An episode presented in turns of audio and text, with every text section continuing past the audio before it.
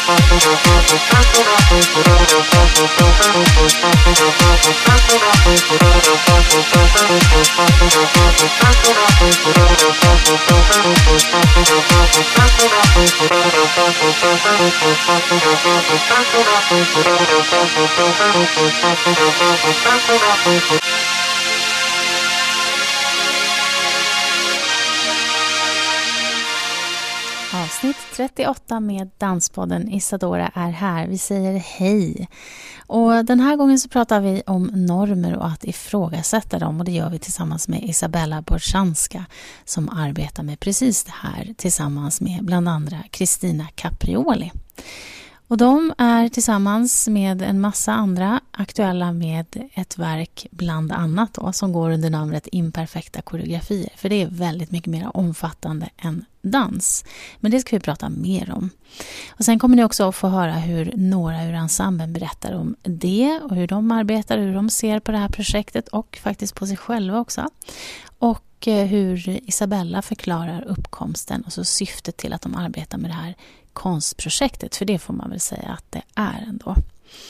Och sen har vi en liten incident med en eh, bananfluga och jag tycker att det finns väl inget avsnitt som är mer passande än att ha det i just det här, när det handlar om att bryta mot det förväntade. Men jag säger välkomna in och vi börjar i november 2016 i vår studio på Valhallavägen då Isadora-poddens. Och så tar vi oss fram till december på Körsbärsvägen 9 där jag träffade dansarna som repeterade och som satte sig ner med mig en liten stund. Nu säger jag välkomna in, så kör vi. Nu tänker jag hälsa dig välkommen. Ja, tack. Hej Isabella Borchanska. Det sa jag rätt nu. Ja, du sa alldeles utmärkt rätt. och välkommen till Danspodden Isadora. Tack så mycket. Jättetrevligt att ha dig här. Ja, det är kul att vara här också.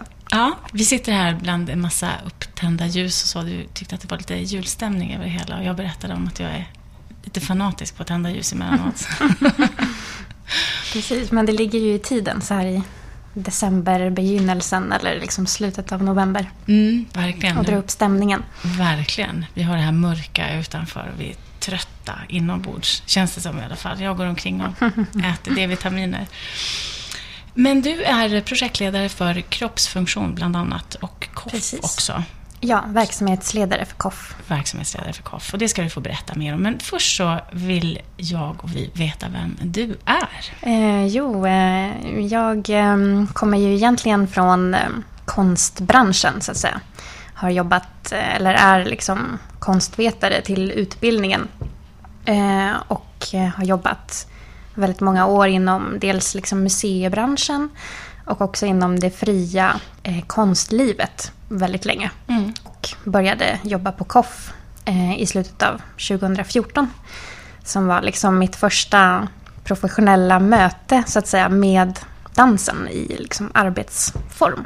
Och vad står KOF för? Eh, det är liksom en ord av lek, en ordlek kan man säga. Ja. Eh, eller kan vara. Mm. Man kan tänka sig att det står för choreography off till exempel. Mm. Och just att man kan byta ut det här C liksom. Men själva grundtanken med KOF som organisation är att det ska vara en slags plats eller en organisation som jobbar eh, utanför liksom, eller bortom scenen. Eh, att vi driver projekt och ger plats för olika aktörer inom koms, eller liksom, eh, dansfältet att arbeta utan att ha något så krav på produktion eller så här, att något ska skapas för en scen. Mm, mm. Eh, och ja, att mm. vi blir en sån just ut, undersökande plats där eh, man kan experimentera med olika idéer och format, uttryck och så vidare. Och där är du det verksam, blev lite rörigt kanske. Nej, det tycker jag inte. Men, men du är verksamhetschef där och det går mm. ihop med, med sen kroppsfunktion-delen också, där du, som du projektleder. Ja, men precis. För att mm. kroppsfunktion är då KOFs största projekt som vi driver. Mm. Vår liksom grundläggande verksamhet är att bedriva residens och uthyrningar av våra lokaler som vi delar med systerorganisationen SIKAP mm. på Körsbärsvägen. Eh, men sen så driver vi också egna projekt. Och där är kroppsfunktion det största projektet som vi driver just nu. Mm. och vi är ju en väldigt liten organisation och få personer som jobbar. Mm. Eh, ja, mm. så att... Ja. Och, och, du sa att du kom från konstvärlden, du är konst, konstnärsutbildad tänkte jag säga. Men, ja, vetare. konstvetare, ja, men precis. Vilket man också ser på ert material här med kroppsfunktion, där ni använder bild och, och ja, men, eh, små konstverk plus det skrivna också i bokform. Mm.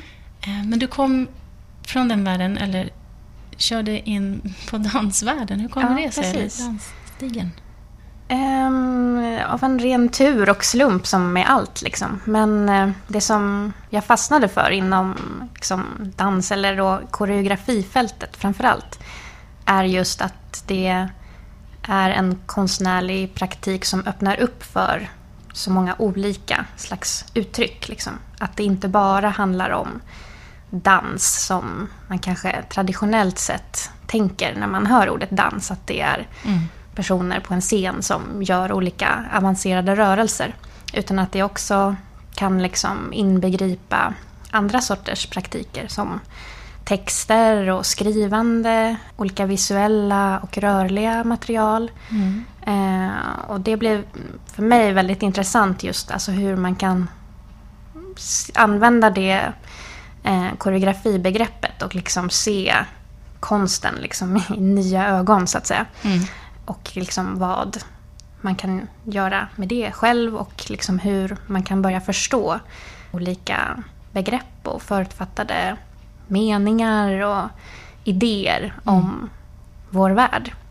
Eh, så det är väl min personliga drivkraft liksom och mm. intresse för just det här fältet som jag är väldigt glad över att jag har fått liksom, möjligheten att fördjupa mig Dansar du själv?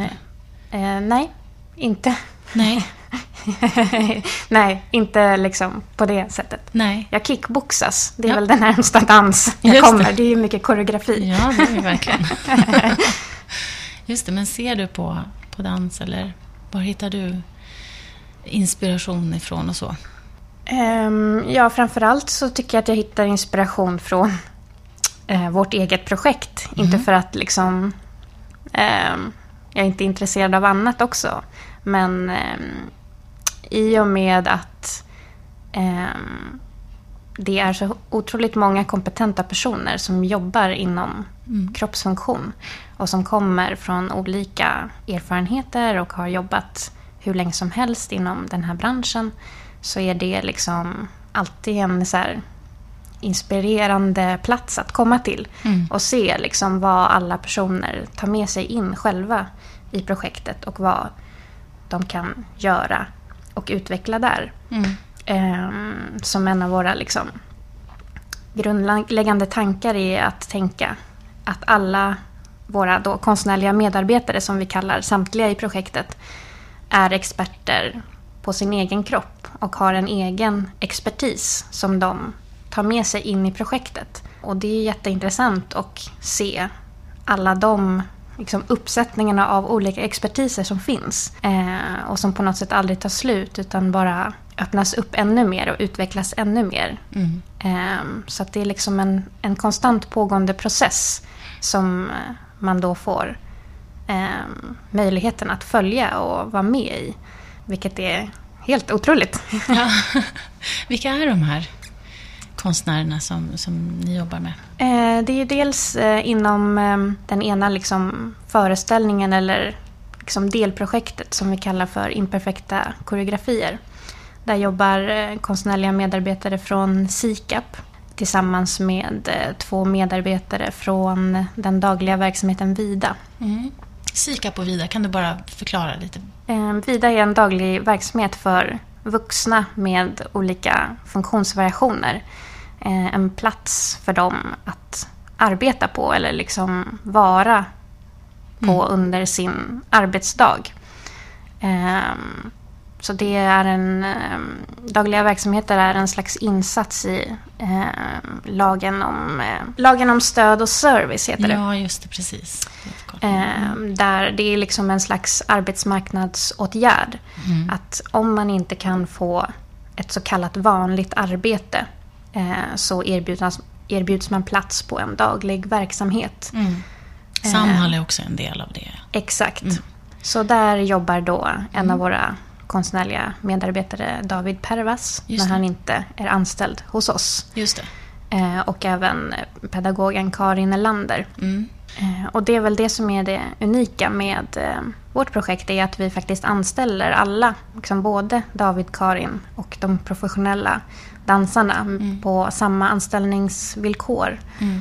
Med samma lön, eh, samma kontrakt. Mm. Eh, så det finns liksom ingen skillnad i liksom vår värdering som arbetsgivare i vems arbetsinsats som värderas högre i liksom ekonomiska Nej. termer och därmed också i kvalitet.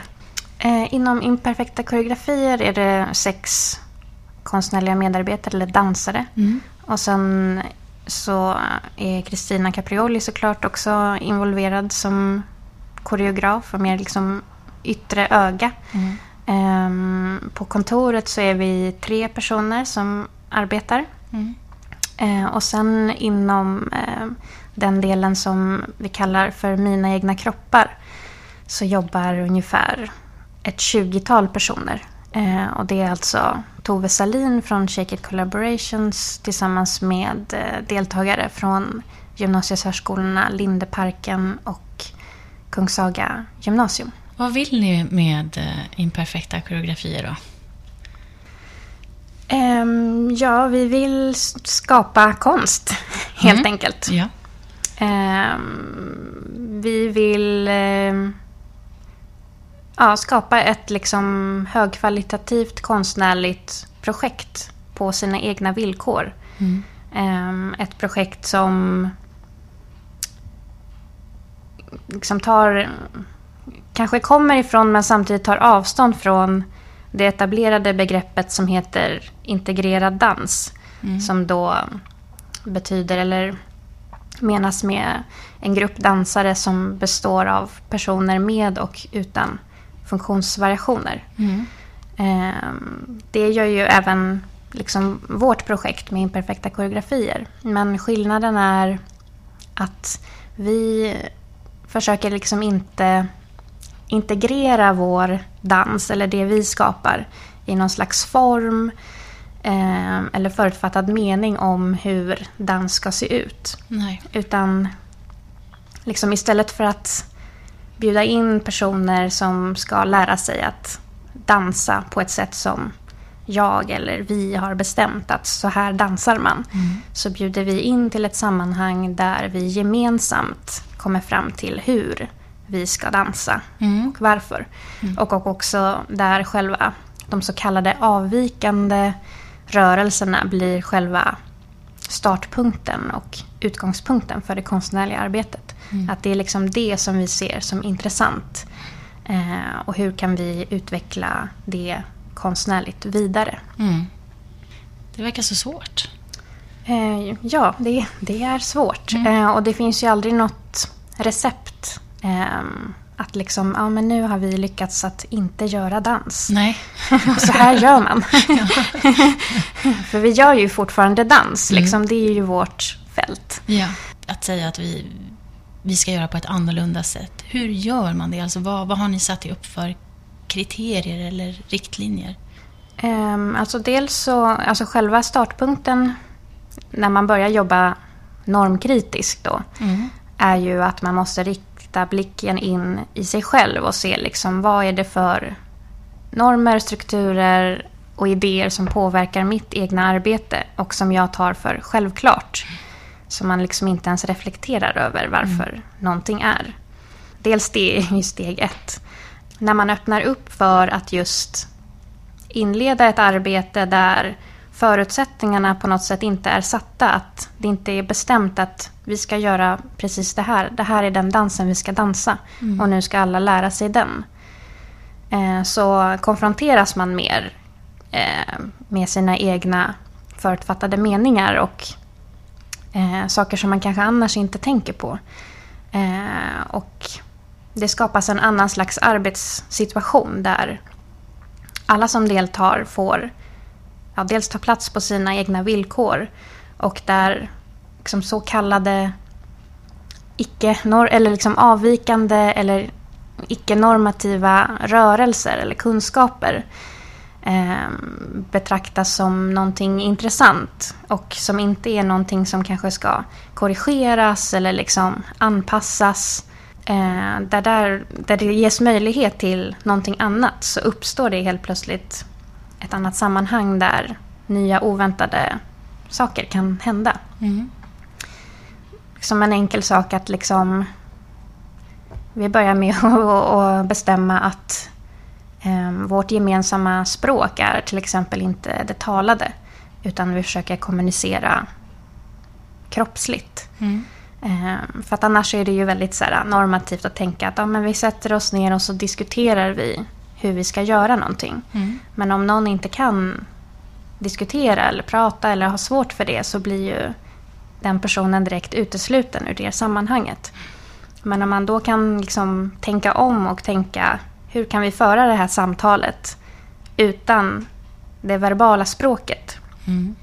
Så öppnar man ju för någonting annat mm. och kan lära av varandra.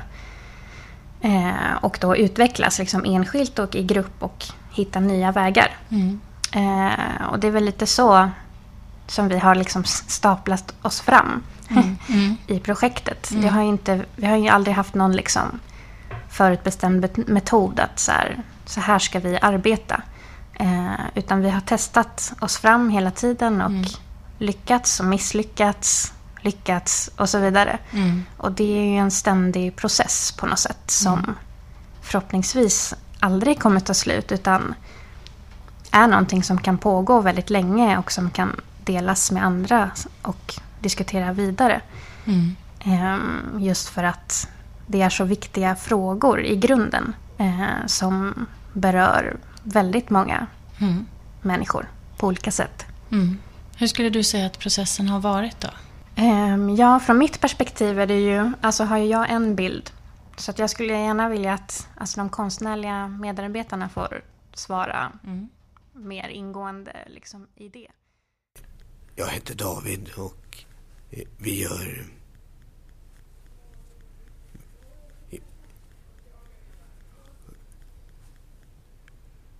och samtal och, och olika danser. Mm. Dansrörelser. Du gör ju ett solo i en av delarna. Ja, och, och den här med... Den som vi brukar kalla för den snabba dansen. Ja. Mm. Då får du gärna berätta vad du heter. Mm, jag heter Filip eh, Berlin och eh, jag är med och jobbar i det här eh, projektet som, som med koreografi. Jag jobbar som dansare och som konstnärlig samarbetspart eh, kan man säga. Just det. I det här projektet då. Kan du berätta lite grann om Imperfekta koreografier? Mm. Eh, alltså Imperfekta koreografier var ett projekt som började för ett och ett halvt år sedan. Eh, och då var det ju eh, jag och Anja Arnqvist och Madeleine Kristina Caprioli, eh, Karin Lander och sen David då, Perra, som var med och liksom och Emily Johansson var med också i början. Ja. Och ehm, eh, då började vi ganska mycket ehm, utifrån ett slags, vad ska man säga, improviserande, typ jammande i studion mm. utifrån Eh, mycket rörelser som David kom med. Mm. Eh, så vi jobbade med olika musik och olika typer av rörelser som, som blev och, och förgrenade sig i olika eh, ska man säga, koreografiska praktiker. Typ. Yeah. Eh, och sen så har ju liksom eh, projektet varit lite vilande vissa perioder och vi har jobbat med andra saker och sen har vi liksom kommit tillbaka till projektet. Så det är väl som att vissa saker går liksom in och ut sen redan från början, eller hur? Jo. Det känns väl lite som att vi så här, eh, vad ska man säga, språkar med kroppen på lite olika sätt. Ja. Liksom. Mm. Och att vi både jobbar med eh, skrift och tal också lika mycket som liksom, vad ska man säga, eh, skriva liksom, innanföra en koreografisk praktik mm. eller liksom, fysiskt med kroppen. Vi pratade om liksom, att separera dans och koreografi som två olika begrepp. Att de nödvändigtvis inte behöver ha någonting med varandra att göra. och sådär att dans ofta kanske kan ha med stil eller genre eller sällskapsdans eller sådana saker. Liksom. Mm. Och koreografi kan vara så mycket mer än mm. kanske dans i, i, i, i, den bemärkelsen liksom, av sällskapsdans eller liksom en, mm. en viss stil eller så. Så i koreografi kan prata och göra en massa annat. Liksom. Det. det jag har varit intresserad av i det här projektet vad gäller liksom själva dansandet det är väl det här som vi pratar om att, ska man säga, att varje eh, person eller varje röst har en väldigt specifik teknologi eller ett väldigt specifikt sätt att röra sig på. Mm. Eller väldigt, och liksom att, att omfamna det eller liksom att mm. artikulera det. Liksom. Mm. Det inte är nödvändigtvis någonting som måste så ändras eller ja, förändras till någonting annat. Utan man kan liksom, ta sin specifika, så här, sitt mm. specifika sätt att röra sig på och liksom, omfamna det och mm. kanske förskjuta det eller liksom hålla på och leka med det mer än att förändra och liksom in i en viss typ av kropp eller mall eller så. Eh, normer per se är ju inget eh, ont eller farligt liksom. Men de kan ju bli väldigt, väldigt begränsande och väldigt så här, mm förtryckande och ha sådana tendenser liksom. Och det är väl det som är intressant att liksom belysa dem och titta på. Så här, vad, vad gör eh, liksom, eh, normen? Hur opererar den och hur samverkar den med andra så här, saker och mm. eh, vad ska man säga, maktsystem eller kroppen? Och, mm. eh, vad har vi fått de idéerna om, om ett visst typ av, kanske ett visst sätt att röra sig på eller en viss typ av kropp? Eller så här, vad har vi fått det ifrån och vad, mm. var springer de normerna ur och sånt? Mm, Men kommer ni fram till någonting då? Eller har ni gjort det nu? Um, jag tänker att när man är i en konstnärlig process väldigt ofta så är det ganska, eller i ett konstnärligt arbete liksom som pågår också som det här arbetet har liksom tagit pauser och, och sen tagits upp och jobbat igen så kan det vara svårt att analysera eller typ förstå vad det är en gör liksom i när man är i arbetet. Att mm. det är mm. ofta lättare efteråt. Eller liksom. Ja just det, jag får komma tillbaka om ett halvår. Ja men det kan faktiskt vara så faktiskt. Att det, är, att det är som när man, när man är i någonting så är det ibland, upplever jag, svårt att, att uh, förstå vad det sen är eller producerar ja. eller vad det handlar om eller så. Ja, just det. det kan nästan vara lättare efteråt. Och man kanske har en analys när man är i det eller flera stycken pågående och sen, Precis. Så, sen får man sammanfatta det. Varför är ni med i det här projektet? Vad, hur kommer det sig att du är med till exempel David? Jo, jag var brev... Eh, jag var Kristina som tyckte jag var bra. Och, och så jag dansade med några andra dansare från mitt andra jobb. Och så så såg hon mig och, och då tyckte hon att jag skulle, då ville hon ha med mig i det här projektet. Mm. Och du sa ja, ja. tack? Ja, då sa jag ja tack. hade, ni, hade ni dansat, eh, eller hade ni träffats tidigare och så, du och Kristina? Nej, eh, vi...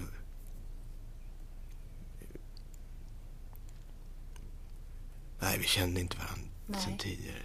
Hade du sett henne någonting på scen? Nej, det var första gången jag träffade henne då. Mm. Men däremot så hade du, var du ju med på ditt andra jobb så var ju ni med och dansade i träd. Ja. Kommer du ihåg det? För då träffades vi ju där också. Mm. Det kommer jag ihåg att vi, vi, du och jag träffades där. Jo. Du vet i det här rummet när det hänger ner så vita Ja. Remsor från, från taket. Där, där, där dansade vi ju, minns att vi träffades i alla fall första gången. Det var ju ganska länge sedan. Svårt att komma ihåg, det är ganska mörkt där inne också. Men jag kommer ihåg att vi träffades i det projektet också. Och, och där kommer jag ihåg att, att vi träffades i alla fall. För att eh, din andra arbetsplats var ju, var ju med liksom, i det projektet och var ju återkommande. Ja. Kommer jag ihåg, den våren när vi gjorde de föreställningarna där. Och sen så träffades vi ju vi såg ju den här videon som du hade spelat in som var metal balett. Det var ju den videon som Kristina såg som du hade gjort. Ja just jo. Ja. Ja det är en, en typ av dans till metal. Till Cannibal Corpse. Crossover. ja. Men eh, varför ska man komma och se det här då? Vill ni avsluta med det? Ja, det blir någon headbang och lite olika koreografiska rörelser. Ja, vad ska man säga? Ja, vad ska vi säga? De får komma för att vi är, är väldigt bra. Ja. Det är också en anledning, eller hur? En filosofisk ja, fråga, förlåt. Men äh, möter man sig själv då, när man ser er? Ja, det kan man se.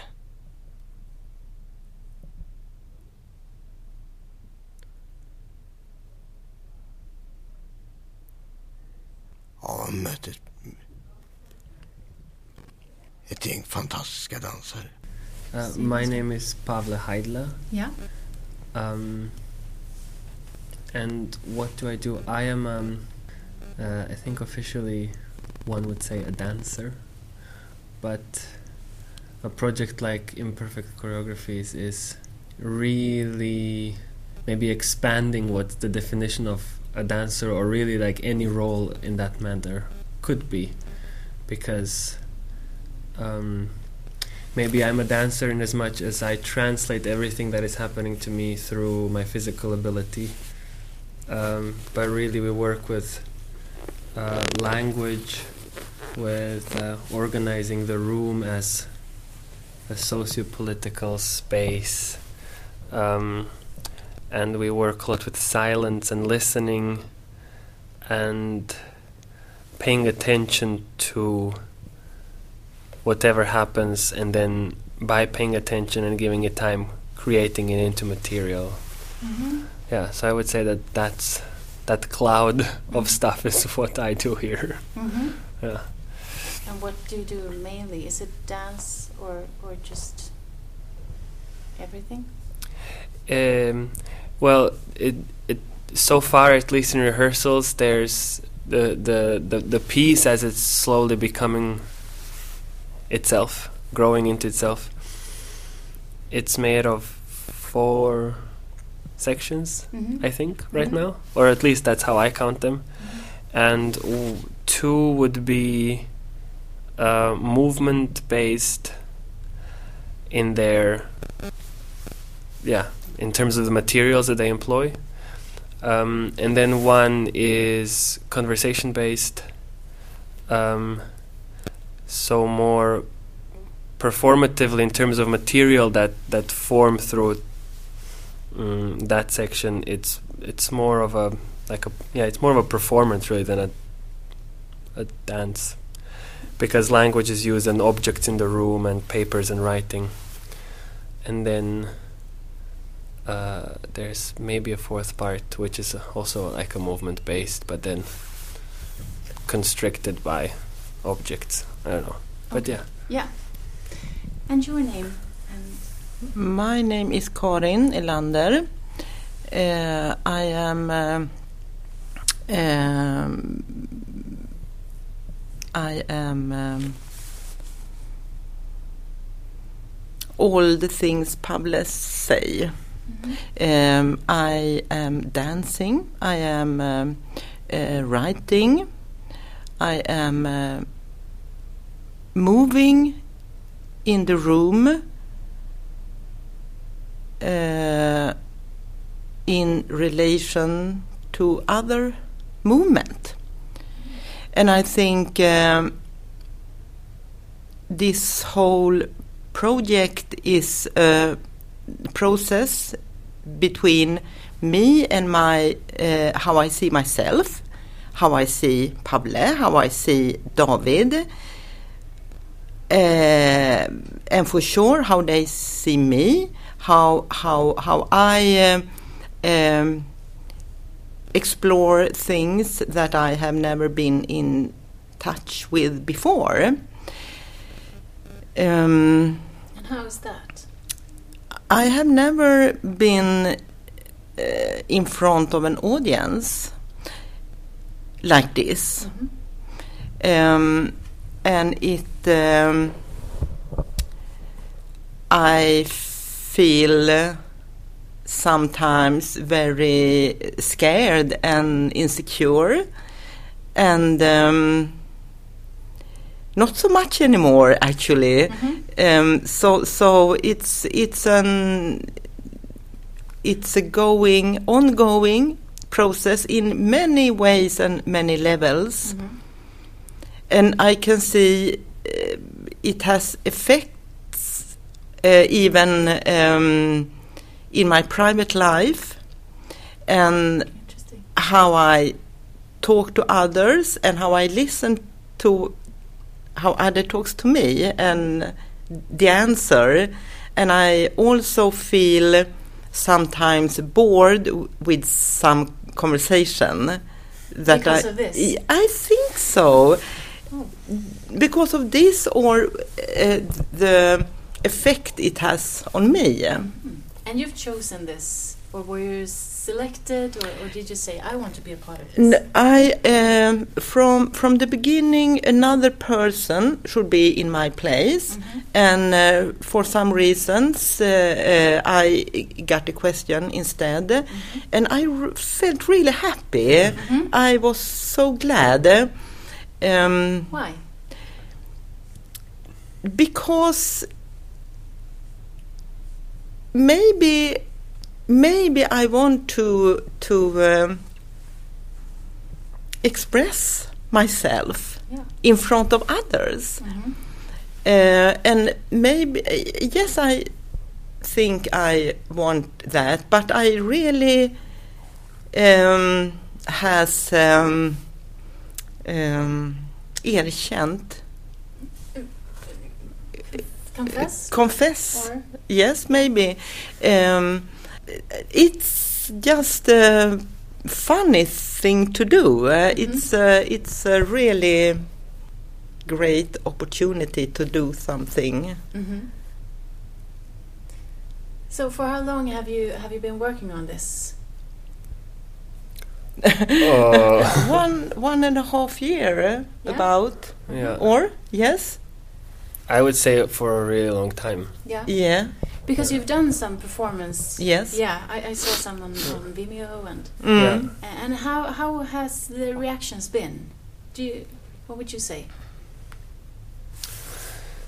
Well, the the one the the one performance that I'm thinking of that we did in Svartehuset, mm-hmm. uh, where we had a lot of people come, a lot of people joined us, and and uh, our efforts really kind of created an event, a whole event in itself, which maybe I don't know how expected or intended that was, but as the thing took over and our principles kind of led us to support the situation that was becoming, um, that seemed to have been, uh, yeah, a very interesting experience because the the materials that we work with are so concerned with paying attention to something you don't really know how to relate to or you don't really understand but still you stay with it and you kind of confirm it by joining in. So you're constantly in this in in the field of between what you know and what you have no clue about. Isn't that scary? Yes. Yes. For me. Yeah yeah. But it's just sorry, just to then when when we were in this room with all these people and and when that that principle of of being with people without needing to make a conclusion out of what we were doing seemed to have been extremely inviting.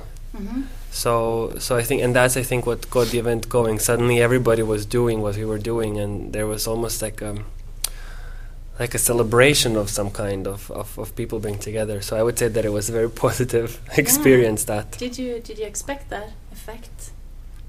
I don't remember having expected that. No. What do you expect with this? What do you want to the the audience to to feel? Well, for me, I guess that would be kind of going back to this this. Um, um,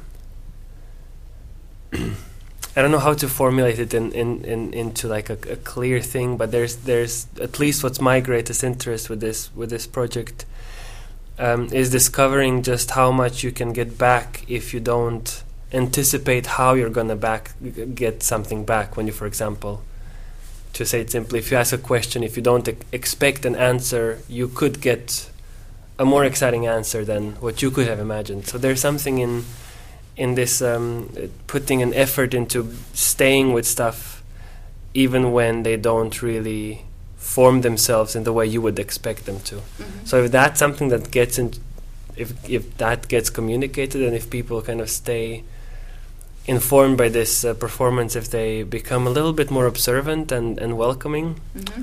that would be amazing. uh, I don't know what would your mm. answer be. I hope that uh, people who watch it will f- feel uh, calm and uh, curious and uh, also s- self-reflecting mm.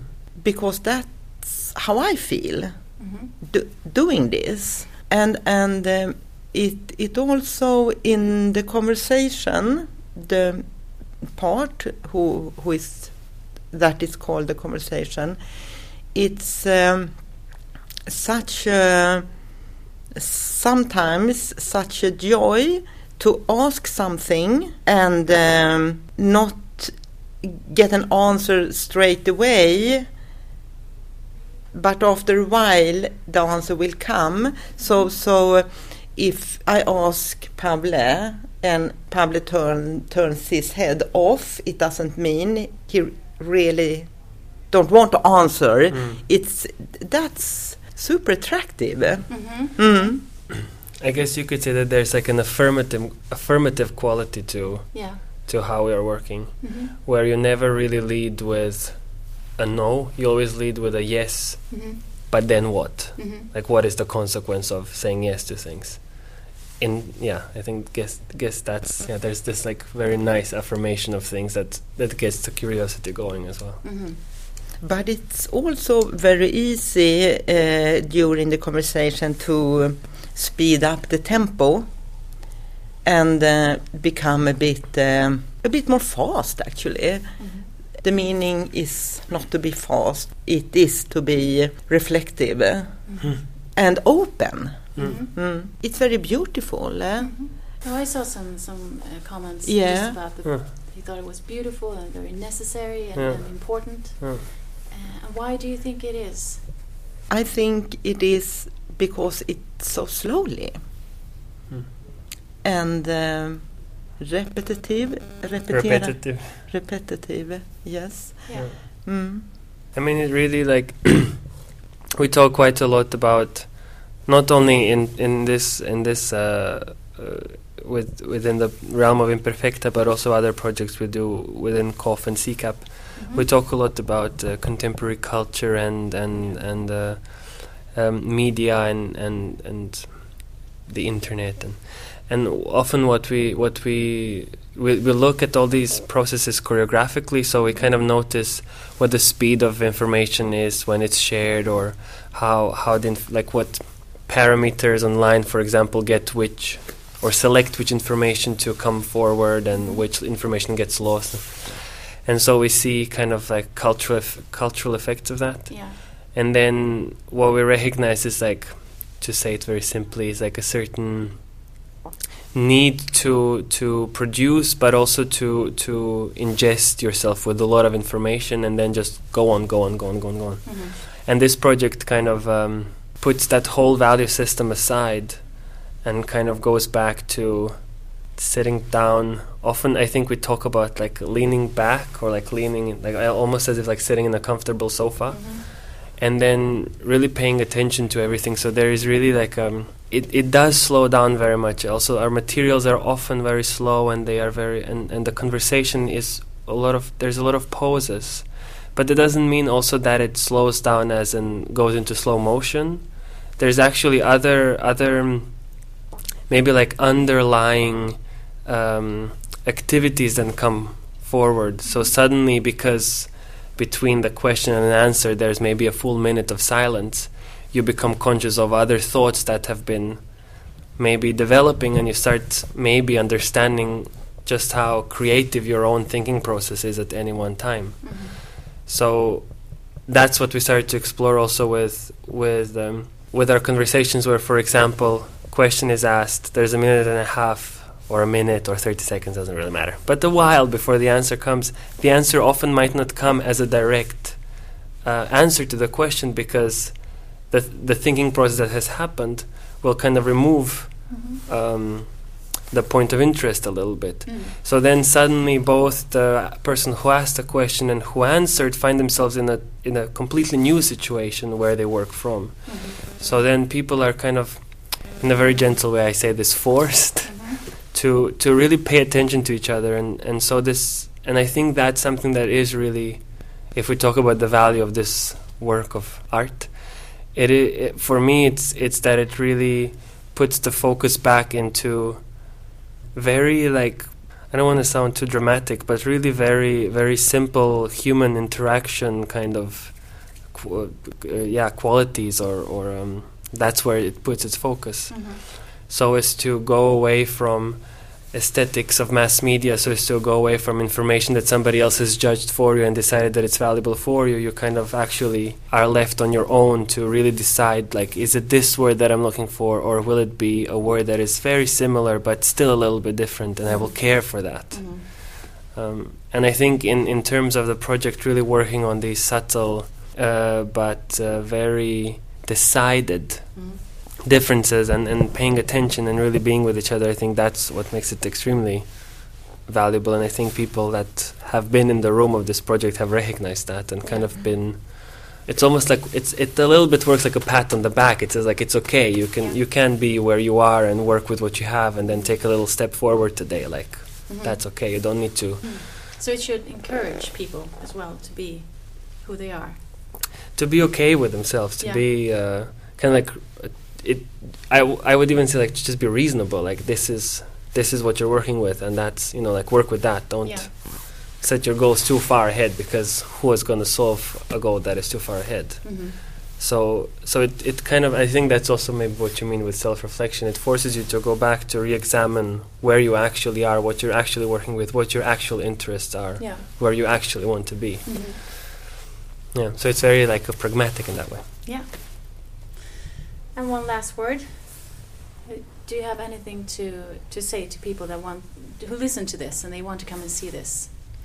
Uh, I think that um, if you don't, when I think about the conversation and the movement, also if if if it's not a total fuss in front of you. Mm -hmm you have more um, opportunity to to go back to yourself mm. and think. Mm-hmm. Maybe um, maybe you have as much attention on your own reactions like you have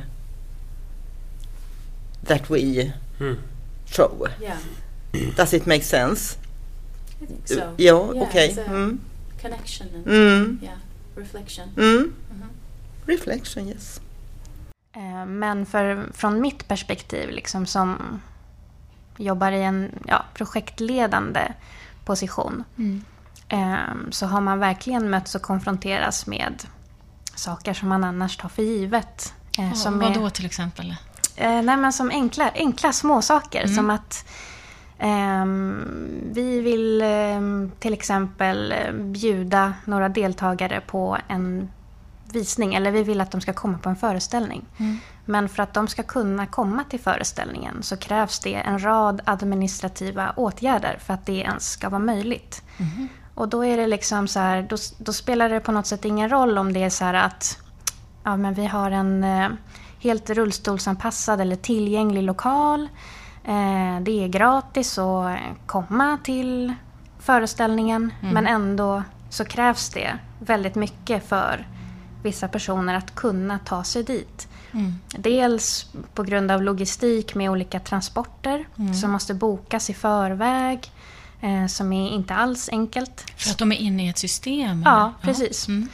Um, och, eh, och det blir speciellt problematiskt när det handlar om helg och kvällstid. För att då är det helt plötsligt liksom en avvikande transport som ska ja. administreras, som inte är i det vanliga schemat. Och då krävs det liksom att det finns någon person bakom som driver på liksom, och verkligen mm. fixar det. För att det är inte... Liksom, våra deltagare själva kan inte rodda med det där. Liksom. Eh, så dels det mm. är liksom ett, ett superhinder. Och vilket också blir intressant för att eh, inom dansbranschen så finns det ju hierarkier i hur man programlägger föreställningar till exempel. Att eh, de som programläggs på kvällstid är ju de som värderas högt rent så konstnärligt och som sätter så tonen för de olika scenernas program.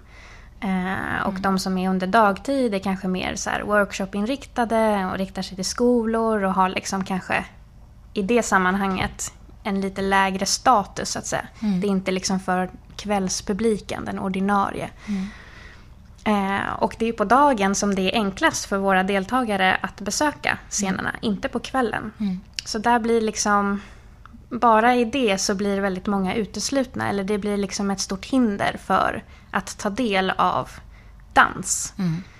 Eh, och sen också att vissa kan ha svårt att ta sig till nya platser. Att man liksom vill veta exakt vem som kommer vara där och hur det kommer se ut och hur det kommer gå till och vad som kommer händas och vad som förväntas av en. Mm. Um, och sånt tänker ju en själv inte på, på sam, i samma utsträckning. Eller man kanske inte blir lika orolig över sådana praktiska frågor. Eh, när man ska uppleva kultur eller dans någonstans. Så det, det, har varit väldigt ja. liksom, ögonöppnande att, att tänka liksom hur, hur kan vi tydliggöra all sån här information för mm. våra mm. deltagare och hur kan vi möjliggöra att de faktiskt kan delta i projektet. Mm. Um, Men är ni, vill ni ifrågasätta det vi har valt som någon slags norm i samhället? Um, eller, eller är ni kritiska? Eller vad, vad är liksom... Mm, ja, alltså vi, vi är på ett sätt vi är kritiska, men vi är inte bara kritiska utan vi vill också faktiskt bryta de normerna som finns. Mm. För att på ett sätt så kan vi känna en viss trötthet över att man under väldigt lång tid och i väldigt många sammanhang pratar om normkritik och kritiserar olika normer. Speciellt inom kulturlivet. Mm. Och inte minst under de senaste liksom, debatterna om identiteter på museer och så vidare. Mm. Eh, att man hela tiden kritiserar de här normerna och belyser att kulturen är otillgänglig. Det är eh, inte alla i det svenska samhället som tar del av det som finns, som besöker scener, som utövar kultur. Mm. Eh, och det är dåligt och det måste vi ändra på. Kommer mm. alla liksom i konsensus på något sätt. Men sen så händer det ingenting. Eh, och det är lite tröttsamt liksom att sitta och ha sådana samtal hela tiden och bara konstatera och konstatera att det är ojämlikt och ojämställt. Eh, man måste helt enkelt göra någonting mm. och bryta de här normerna. Mm. Och det är det vi gör. Vi har slutat snacka om eh, normkritik, liksom mm. kritiserat våra egna normer, utan vi försöker faktiskt göra det. Är det inte lite smärtsamt att göra det också? Mm, ja, men det får en också att bli ännu mer motiverad mm. på något sätt. Att det blir så fort vi får motgångar eh, så blir det ju smärtsamt såklart, men kort därefter så samlar man kraft igen för att liksom mm så här, nej men så kan vi ju faktiskt inte ha det. Alltså vi måste ju kämpa vidare på något sätt. Mm. Um, det, det, går inte bara att ge upp på något sätt. Uh, och det vi gör är ju så pass för oss intressant och spännande. Så att vi rycks ju med i det hela tiden. Liksom. Mm. Uh, så det är verkligen en berg och dalbana, liksom, upp och mm, ner. Mm. Vad får ni för reaktioner då? Alltså av andra i kulturlivet får man väl säga, eller kulturskrået. Ja, det ska bli väldigt spännande att se nu liksom, konkret. Vi ska ju göra några publika framträdanden här mm. eh, under vintern. Um, så jag ser väldigt mycket fram emot att se då vad vi får för respons eh, från de som vill komma och titta mm. på det vi gör. Mm. Men hittills så när vi har liksom presenterat projektet i mindre skalor så är det väldigt många som har tyckt att det vi gör är väldigt intressant. Mm. Och många har även tyckt att det vi gör är väldigt svårt. Mm. Ehm, och att det också blir en liksom pedagogisk utmaning för oss att försöka förklara det vi gör. Ehm, och också att det blir väldigt tydligt för oss att det saknas ganska mycket kunskap om de här frågorna. Ehm, och att många upplever det som kanske något svårt att arbeta med mm. personer med funktionsvariationer. Det är inget som man kanske känner till. Eh, det är eh, inte en fråga som har fått så mycket plats inom liksom den intersektionella jämställdhetsdiskursen. Mm. Där pratar man ju framförallt om eh, etnicitet och sexuell läggning. Men funktionsfrågorna är fortfarande lite på sidan om. Liksom. De har inte riktigt kommit in mm. i det samtalet. Tror du att man är lite rädd för det? Det är mycket möjligt. Men det är ju samma sak när man pratar om etnicitet. Liksom. Ja. Att många konfronteras med smärtsamma insikter på hur mm. eller liksom vilka normer som styr mm. eh, oss själva som individer och även liksom strukturer i samhället. Eh, och då finns det ju ingen annan utväg än att se dem och försöka göra någonting åt det än mm. att blunda för det. Mm. Eh, och det är ju samma sak med liksom andra identitetsfrågor då som funktionalitet.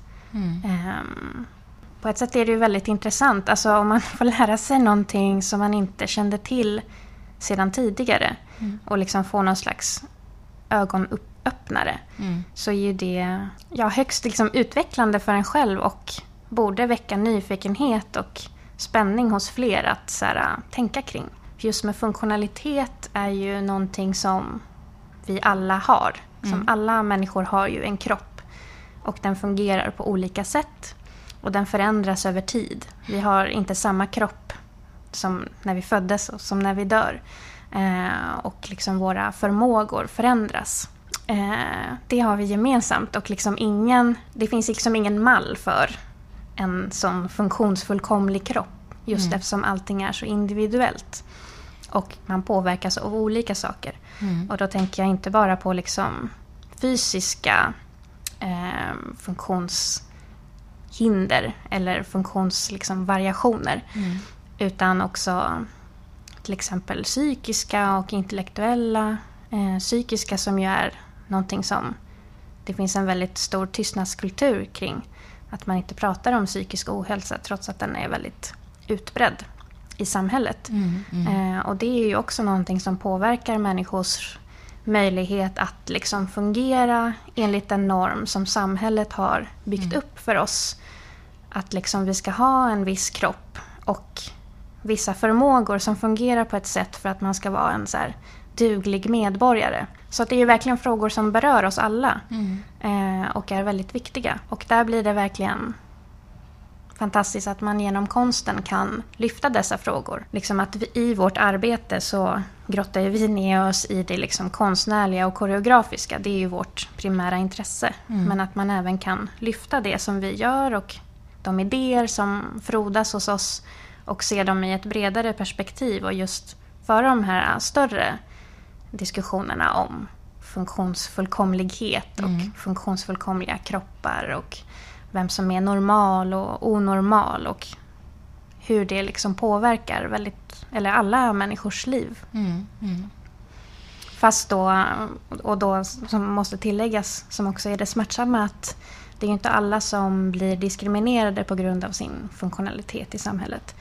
Eh, och det får man inte glömma bort heller, även om jag sitter och pratar om att liksom, mm, mm. vi kan alla identifiera oss och alliera oss med funktionalitetsbegreppet mm. så måste man också inse att de strukturerna som finns i samhället och liksom inom kulturlivet inte minst begränsar och diskriminerar vissa människors möjlighet att leva och att vara delaktiga och ta del av mm. kultur. Mm.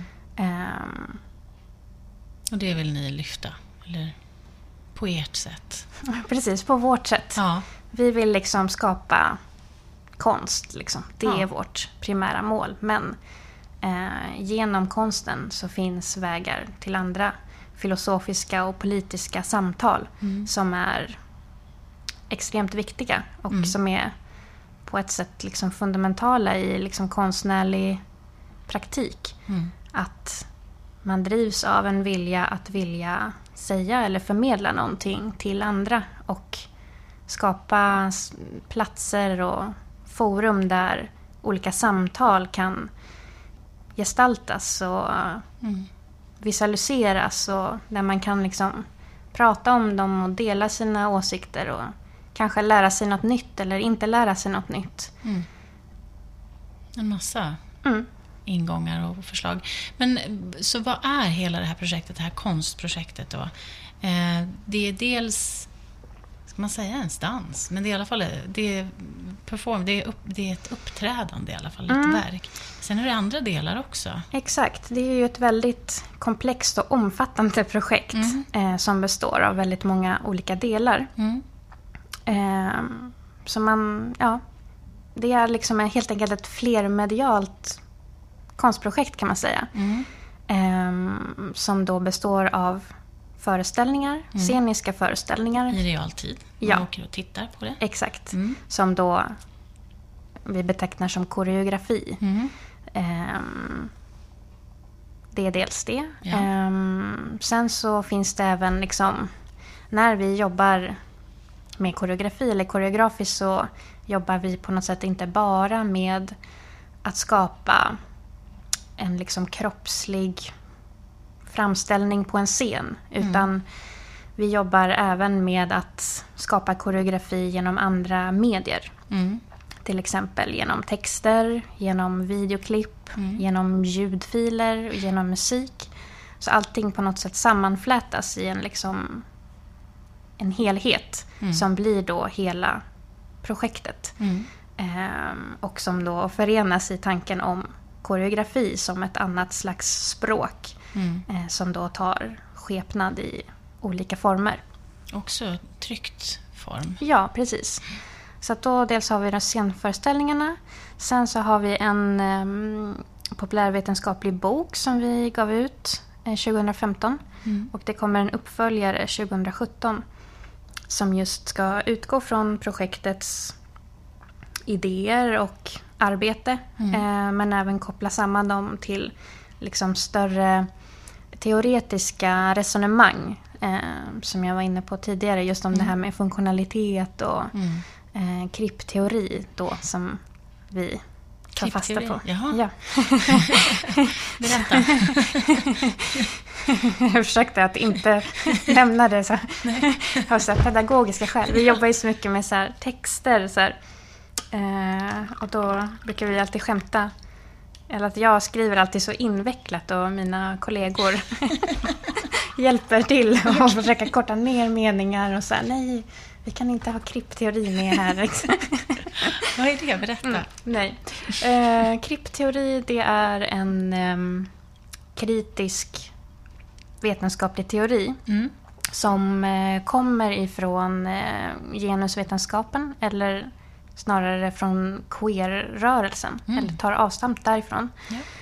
Um, så att precis som queer-begreppet var ju någonting som man tog tillbaka. Liksom. Det var ju mm. ett skällsord från början. Ja.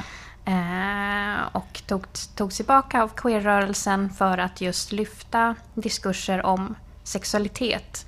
Att det berör alla människor oavsett sexuell läggning. Uh, och det är samma sak eh, är, handlar om CRIP. Mm. Att det är också ett tidigare skällsord som kommer från cripple, som mm. betyder krympling. Ja. Eh, där då CRIP-rörelsen, om man ska säga så, eh, funktionshinderrörelsen, kanske är det korrekta namnet liksom på svenska, mm. har tagit tillbaka ordet och använder det för att just lyfta de här diskurserna om funktionalitet. Um, och liksom att det också är en del av en människas hela identitet. Mm. Man består ju av, har ju flera olika identiteter. Ja. Men som då kan diskrimineras eller uppfattas på olika sätt i olika sammanhang. och då är krypteori då som den senaste eller kanske inte det senaste, men det är väl det mest... Queer-teori är ju en etablerad eh, teori och liksom inom vetenskapen, den humanistiska vetenskapen ska jag säga, eh, idag. Och eh, queer håller på eh, förhoppningsvis att få en eh, mer liksom betydande form i, mm. inom, inom fältet, inom genusfältet. Och då vill ni också ha med, eller du vill ha med det i alla fall? Ja, precis. Ja. Inte bara jag. Nej, det är, det, liksom, det är därifrån vi tar fasta liksom på just alltså hur, hur ska vi angripa eh, och förstå vår egen liksom, roll i det vi gör och projektets syften och mål. Mm. Eh, vi tar, därifrån tar vi liksom just fasta från krypteorin som just argumenterar för att eh, liksom, funktionshinder är ju någonting som finns i samhället mm. och inte hos människor. Nej. Utan det är liksom samhällsstrukturer eh, som bygger hinder för olika människor. Mm. Istället finns det liksom olika funktionsvariationer eller normbrytande funktionaliteter mm. eh, som påverkas av liksom, våra normer i samhället. Just det. Eh, och då använder sig krypteorin just för att förstå dessa. Alltså när sker de här eh, tillfällena då eh, identiteter liksom diskrimineras eller förstås på olika sätt. Mm. Eh, och hur kan vi förstå det liksom i ett kritiskt sammanhang just när man pratar om mm. identiteter i samhället. Eh, så det finns väldigt mycket material att grotta ner sig mm. där mm. i. Vad hoppas ni nu få för så reaktioner eller liknande? Alltså jag tänker att det här är något pågående. Det här är ingenting som ni gör och sen släpper. Utan det här mm. är något som ni sätter igång mm. någonting eller kanske fortsätter på mm, någonting. Mm. Ja, vi hoppas ju att det här kommer öppna upp för fler samtal. Liksom. Mm. Ehm, och nya möjligheter mm. för liksom, projektets fortlevnad. Mm, men att man ehm, agerar också, inte bara pratar. Ja, ja precis. precis. Mm. Vår eh, målsättning och vision är ju såklart att vi ska jobba vidare med det här mm. eh, i olika format. Eh, och då, vi är ju väldigt intresserade av liksom, arbete och just det konstnärliga arbetet på golvet och mm. liksom de mötena som har uppstått när vi just har fått tid att eh, liksom träffa varandra liksom ansikte mot ansikte och jobba koreografiskt, mm. fysiskt och skapa en annan slags kommunikation sinsemellan. Det är väldigt intressant för oss mm. Eh, och det är någonting som vi gärna, eller vi som vi kommer försöka driva vidare eh, och utveckla för mm. att fler ska få en möjlighet eller kunna ta del av vårt arbete och arbeta med oss mm utan ett liksom, direkt anspråk att det ska resultera i en scenföreställning. Mm. Utan snarare att liksom hitta det ett sånt sammanhang, en sån plats där man kan mötas. Jag fick in en... Jag trodde jag skulle nysa.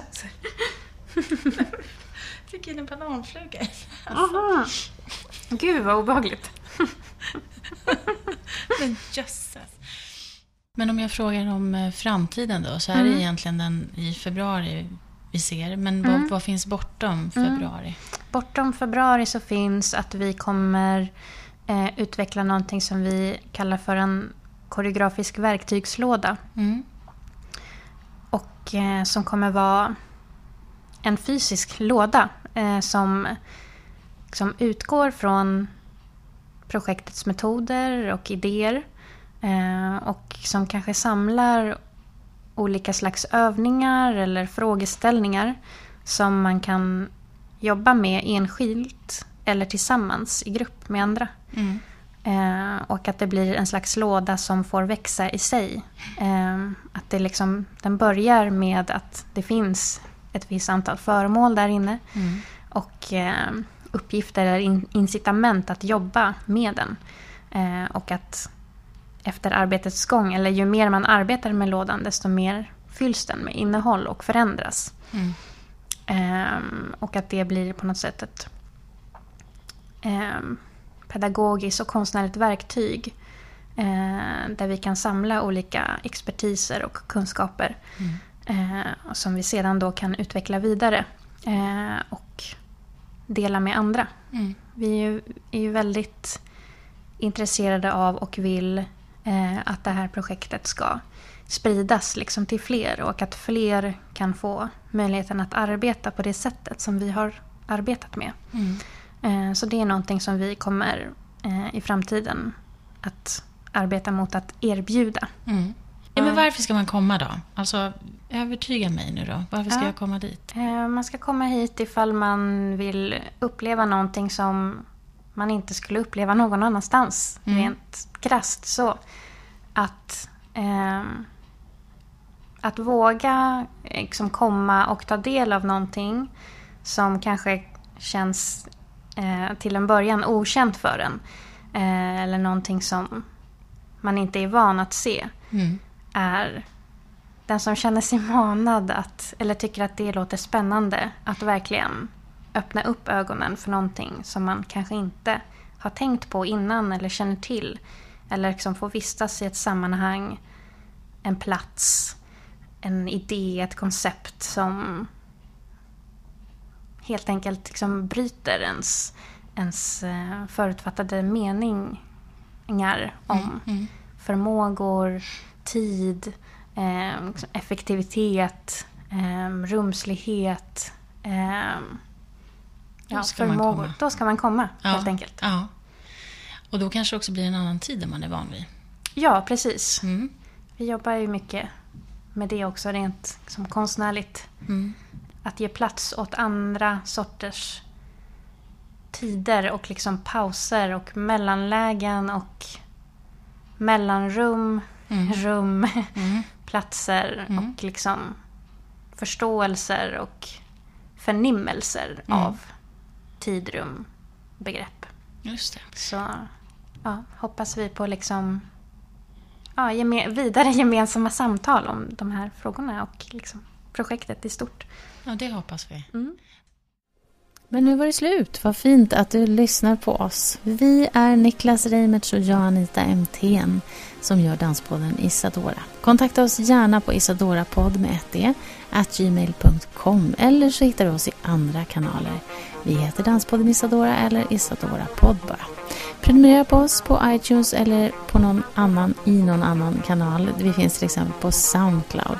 Men tills vi hörs igen, ha det så fint!